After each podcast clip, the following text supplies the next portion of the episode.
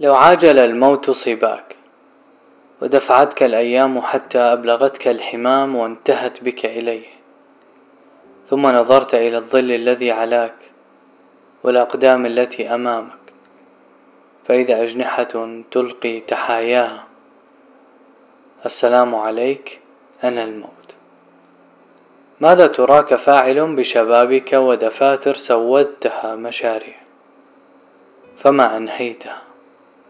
وما أخرجتها تسوف أهدافك ترجيها لوقت غير معلوم.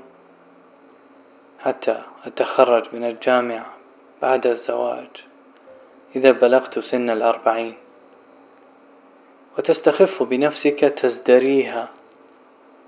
تنثر التراب على رأسك كالمجانين. أنا حدث السن كأنما أمسكت الزمان بيديك وعضلته بإصبعك وتواطأت وملك الموت على عمر تريده. فبينكما عقد واتفاق على شروط العيش والحياة.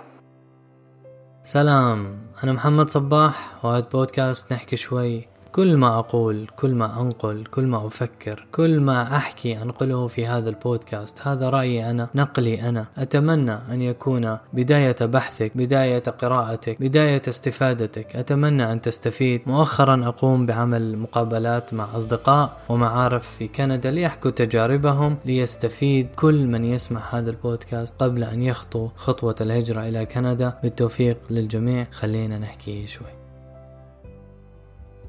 أنت مثلي وصلك ما وصلني وشاع في زماني. تعلم في سن العشرين واعمل في الثلاثين وعلى ما في النصيحة من فائدة إلى أن بها خللا استدركه المؤلف محمد عمران في مصنفه البديع العلماء الذين لم يتجاوزوا سن الأشد أما قولهم الطلب قبل التصدر والعلم قبل الظهور. فذاك لمن لم يجد في نفسه التأهل. وأما من استوفت له أسباب الطلب وتوفرت فيه عزائم التصنيف واحتيج إلى علمه فلا يسوفن الارتقاء ونشر العلم بين الناس. والبدرة قبل بدرة الزمان وعجلة الموت. أن يعلم أن المقصود من النهي عن التصدر في زمن الحداثة والشباب هو غير المتأهل. أما من تأهل للتدريس ونحوه فصغر السن ليس مانعا من ذلك. وقد علمنا أن من العباقرة والنابغين من أنهوا الأعمال قبل أن يبلغوا الحلم. ومنهم عبد الله بن تيمية الذي صنف كتابه جنة الناظر وهو ابن ستة عشر ربيعا. والشافعي تصدر للتدريس وهو ابن ثمانية عشر وألبرت أينشتاين الذي نشر نظريته في الخامسة والعشرين. ومنهم من رسلته المنية قبل الأمنية وقطفته الحمام قبل أوان القطف.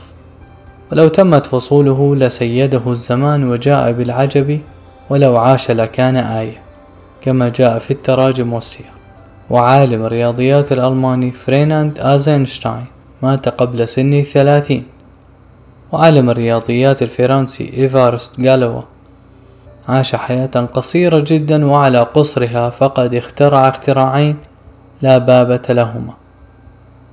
ومنهم سفيان البصري مات شابا قال فيه ابن حبان من الحفاظ عاجله الموت فلم ينتفع به والأديب ابن المنجم كان راوية للأشعار أديبا راقيا. أدركته العيطة الموت شبابا قال عن كتابه البارع بن خلكان وبالجملة فإنه من الكتب النفيسة فإنه يغني عن دواوين الجماعة. وفي عصرنا يذكر محمد الأمين الشنقيطي أن شيخه قال لوالده وقد لمح عليه أمارات النبوغ يا بني إن العلماء يقولون إن من وجد في نفسه استعدادا وموهبة تؤهله للإمامة تعين عليه طلبه وإن طلب الإمامة في الدين متعين عليك فلا تضيع نفسك. وسأل عمر بن الخطاب رضي الله عنه الصحابة في آية فلم يعرفوا لها جوابا. قال عبد الله بن العباس وهو يومئذ حدث السن. في نفسي منها شيء يا أمير المؤمنين.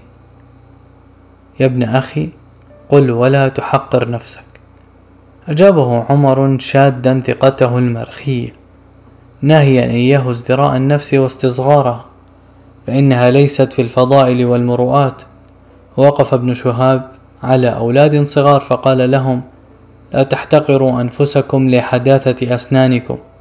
فإن عمر بن الخطاب رضي الله عنه كان إذا نزل به الأمر المعضل دعا الفتيان فاستشارهم يتبع حدة عقولهم. كنت طفلة بي طاقة وإبداع عال والآن في العشارية العشرين أجدني فاقدة كل حيوية الطفولة. وما أحسبني على هذا القدر إلا من مثبطات وصلتني على شكل نصائح. من بله رقاع ممزقي الشورى مفرقي الفقه.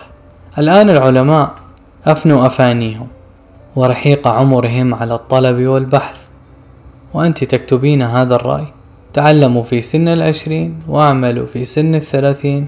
انضج أولا العمل ليس الآن. فلان من العلماء أمضى عشر سنين للبحث في هذه المسألة ثم كتب كتابه وأنت ورساه وحلما ضيعناه. كم وأدت حلما وفكرة وأمنية نصائحكم الغبية. ولو كان هناك وصف أشد من الغباء لمسحتكم به. أين طاهر الجزائري الذي قال ناصحا أحد مقربيه؟ إذا جاءك من يريد تعلم النحو في ثلاثة أيام فلا تقل له إن هذا غير ممكن. فتفل عزيمته وتكسر همته. ولكن اقرأه وحبب إليه النحو فلعله إذا أنس به واظب على قراءته. ومن بابة هذا التثبيط ما واجهت العلامة سليم البخاري الذي صنف مؤلفا في المنطق سهلا عذب العبارة. فعرضه على شيخه فسخر منه وقال أيها المغرور أبلغ من قدرك أن تصنف وأنت وأنت ثم أخذ أوراق مؤلف تلميذه ورمى به في المدفع فكانت أول وآخر رسالة صنفها العلامة المبدع البخاري. وهذا التخميد للعزائم والجرح للهمم واحتقار الصغار وثني إبداعهم ما أراها إلا خطيئة في حق مجتمع ووطن. ما تخلف إلا بأشكال هؤلاء المثقفين والفلاسفة الذين لا يملكون من الحيلة إلا ربطها ولا من القوة إلا ضبطها ولا من الإبداع إلا إماتته. وأيم الله إنها لجاهلية مسكوت عنها وعصور من الظلام نعيشها لن نخرج منها إلا بحث الشباب على العمل والإبداع. بدل السكون سنوات في درك الانتظار. وفراغ مرعب يهوي بالشاب في مهاو وأودية سحيقة من الكآبة ومحقرات الأفكار. ولقد انتبه عبد الله بن عباس لهذه الحقيقة فقال ما آتى الله عز وجل عبدا علما إلا شابا. الخير كله في الشباب. ثم تلا قوله تعالى قالوا سمعنا فتى يذكرهم يقال له إبراهيم وآتيناه الحكم صبي. تقول حفصة بنت سيرين يا معشر الشباب اعملوا فإنما العمل في الشباب. والعبد لا يحاسب على مرحلة من حياته كما يحاسب على غضاضة عمره وشبابه فيما أفناه. نظرية الاستثمار الأولى التي طرحها رسول الله صلى الله عليه وسلم اغتنم خمسا قبل خمس. وشبابك قبل هرمك. كيف تجاهلنا كل ذلك فأخمدنا الهمم والعزائم وجرحنا القرائح وقتلنا البراعة قاتلكم الله. وقد قاد أسامة بن زيد حدث السن جيشا فيه أبو بكر وعمر وقال الله تعالى عن أصحاب الكهف إنهم فتية آمنوا بربهم وزدناهم هدى. وما دام المرء يتقلب في رحمة الله فلا خوف عليه من سن ولا عمر. فكم من كبير جاهل وكأي من حدث عاقل. وفد على عمر بن عبد العزيز وفد من العراق فتصدرهم شابا يريد الكلام. فقال عمر كبروا كبروا. فقال الشاب يا أمير المؤمنين إن الأمر ليس بالسن ولو كان كذلك كان في المسلمين من هو أسن منك. قال صدقت فتكلم ألا أيها الشاب لا تنتظر وقتا فإنه لا يمد في نسائك متى شئت. اخرج كل ما في جوفك ولا تنزل حفرتك إلا قد قلت كل شيء وفعلت ما تريد. فارغا من كل أحلامك. أبدع واخدم وطنك فإنما نحن بحاجة إليك. شروق المحمدي.